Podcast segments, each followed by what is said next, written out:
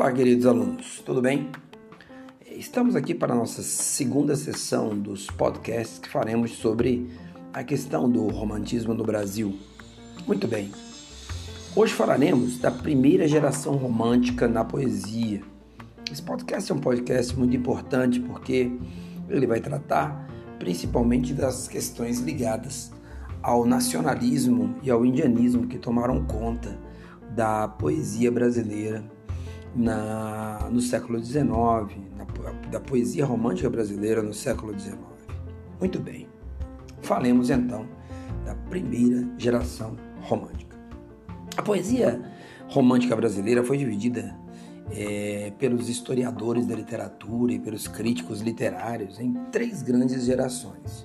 A gente pode dizer que uma primeira geração de poetas surgiu entre 1836, quando aparece o primeiro livro de poesias românticas no Brasil, é, a obra do poeta Gonçalves de Magalhães, Suspiros Poéticos e Saudades. E essa primeira geração teria feito, construído sua poesia até por volta de 1850, ainda apareciam poemas desses autores é, algo em torno de 1845 a 1860 é um ciclo de, da segunda geração de poetas e entre 1860 e 1880 um último ciclo de poetas, a chamada terceira geração.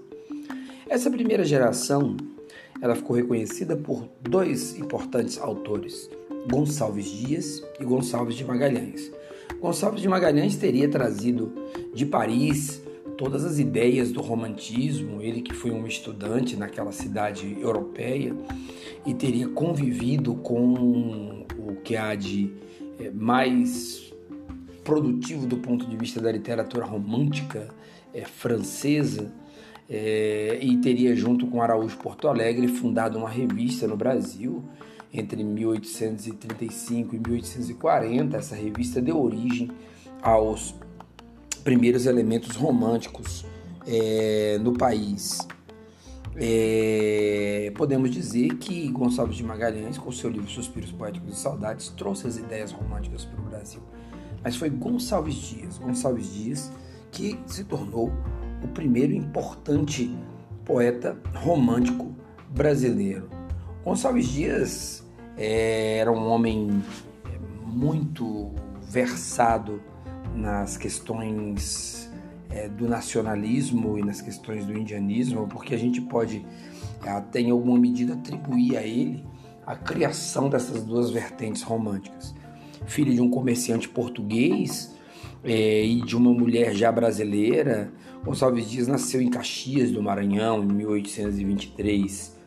É, ele tinha um certo orgulho do processo de miscigenação. Dizem que ele tinha um certo orgulho do processo de miscigenação, porque seus parentes traziam elementos da etnia branca, indígena e negra, e por isso ele teria até também nesse sentido construído um certo nacionalismo à brasileira, né? a ideia de que nós somos um povo o, com o misto das três raças, o misto das três etnias. É, por volta ali de 1840, ele 1839, 1840, né, não precisamente, mas é, ele teria ido para Portugal estudar é, em Coimbra, ter, cursar a faculdade de direito. Os filhos mais abastados da sociedade brasileira saíam para estudar e Gonçalves Dias lá teria escrito a sua famosa é, canção do exílio, né? É, retorna ao Brasil e quando retorna ao Brasil, Gonçalves Dias se engaja nesse movimento da poesia romântica e vai construir é, uma série de poemas é, nacionalistas é, e indianistas. Desses, o mais famoso é o seu poema Ijuca Pirama, que é uma certa narrativa do herói indígena. É, Gonçalves Dias buscava nas suas poesias essa é, valorização romântica da natureza, ao cantar os espaços da natureza como se fossem espaços integrados a, ao homem é, e ao sentimento humano. com um viés ufanista, porque essa exaltação do Brasil, que vai aparecer, por exemplo, na canção do Exílio, minha terra tem palmeiras, minha, nosso céu tem mais estrelas, nossas vases têm mais flores, como diziam os versos dele, retratavam uma visão paradisíaca é, do país. É, em alguma medida, Gonçalves Dias construiu um, uma poesia que era uma poesia idealista em excesso. Ela chegava a beirar o pieguismo, que era uma, uma visão pouco racional e muito sentimental das coisas. E até hoje a obra de Gonçalves Dias vigora no seio da cultura brasileira. Veja que, por exemplo, alguns dos versos da própria canção do exílio acabaram reproduzidos na letra do hino nacional, né? É, como uma forma de citação do próprio autor do hino nacional para exaltar a questão da nacionalidade. É, esse nacionalismo herdado principalmente da literatura romântica francesa.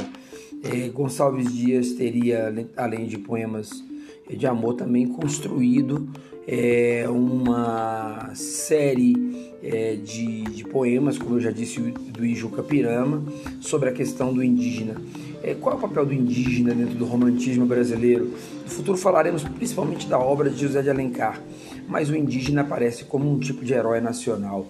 Por conta da, do pensamento de, de Rousseau, que era um filósofo francês, Rousseau teria dito, é, dentro de suas, da, da sua obra O Bom Selvagem, que o, o homem é um ser que acaba se tornando é, corrompido pela ideia de civilização e que os homens naturais, os homens principalmente que vivem ainda em que viveriam em estado natural, seriam homens ainda não corrompidos, né? Então essa ideia meio purista sobre a figura do indígena brasileiro vai ser construída na, na é, reconstruída no Brasil nas poesias por Gonçalves Dias e na prosa depois por José de Alencar, com essa tentativa de demonstrar uma figura, a figura do indígena como um tipo de elemento não só natural do Brasil, mas como elemento ainda não corrompido.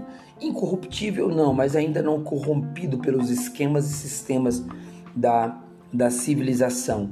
O, o índio, o homem puro, seria o defensor da terra, por isso a gente chama esse aspecto de telurismo, um homem ligado à terra e um homem defensor da sua própria terra. Seria aquele também que é, lutaria com as suas últimas forças, por isso figurando como um herói romântico para apresentar esses aspectos é, de homem é, da terra, defensor da terra, amante da terra, de, de seu espaço e além de tudo da sua própria ideia é, de comunidade indígena, é, uma vez que não só quando se assaltam as terras indígenas ou quando se assaltavam naquele período, é, se poderia tirar também do indígena é, a, a sua própria ideia de pátria, que estaria muito menos ligada a uma concepção de nação como um todo, mas que estaria ligado à ideia de comunidade, né? estaria ligado à ideia de aldeia. É claro que os poetas românticos e o próprio José de Alencar, de quem falaremos no futuro na prosa romântica, não chegou a mergulhar nessas questões indigenistas profundas, mas, fei, mas fizeram, é, até por questões de um lado políticas, é, porque era muito bom ter uma figura que pudesse, é, vou aqui usar um, um pleonasmo, né, uma figura que pudesse figurar é, como exemplo é, de, da fundação, do sentido fundacionista da nossa civilização, que era o indígena, e por outro lado, é, demonstrar um certo humanismo, uma certa visão social na defesa desse elemento é, antropológico brasile, tipicamente brasileiro e das Américas, que é a figura do indígena. Voltaremos a falar desse, desse aspecto, sem dúvida nenhuma, em algum momento é, das nossas aulas, quando tratarmos, por exemplo, da obra de José de Alencar, o Guarani e Iracema. Mais uma vez, muito obrigado por esse espaço e ouçam o podcast, ouçam os vídeos correlacionados que nós colocamos no NEAD e um grande abraço, meninos.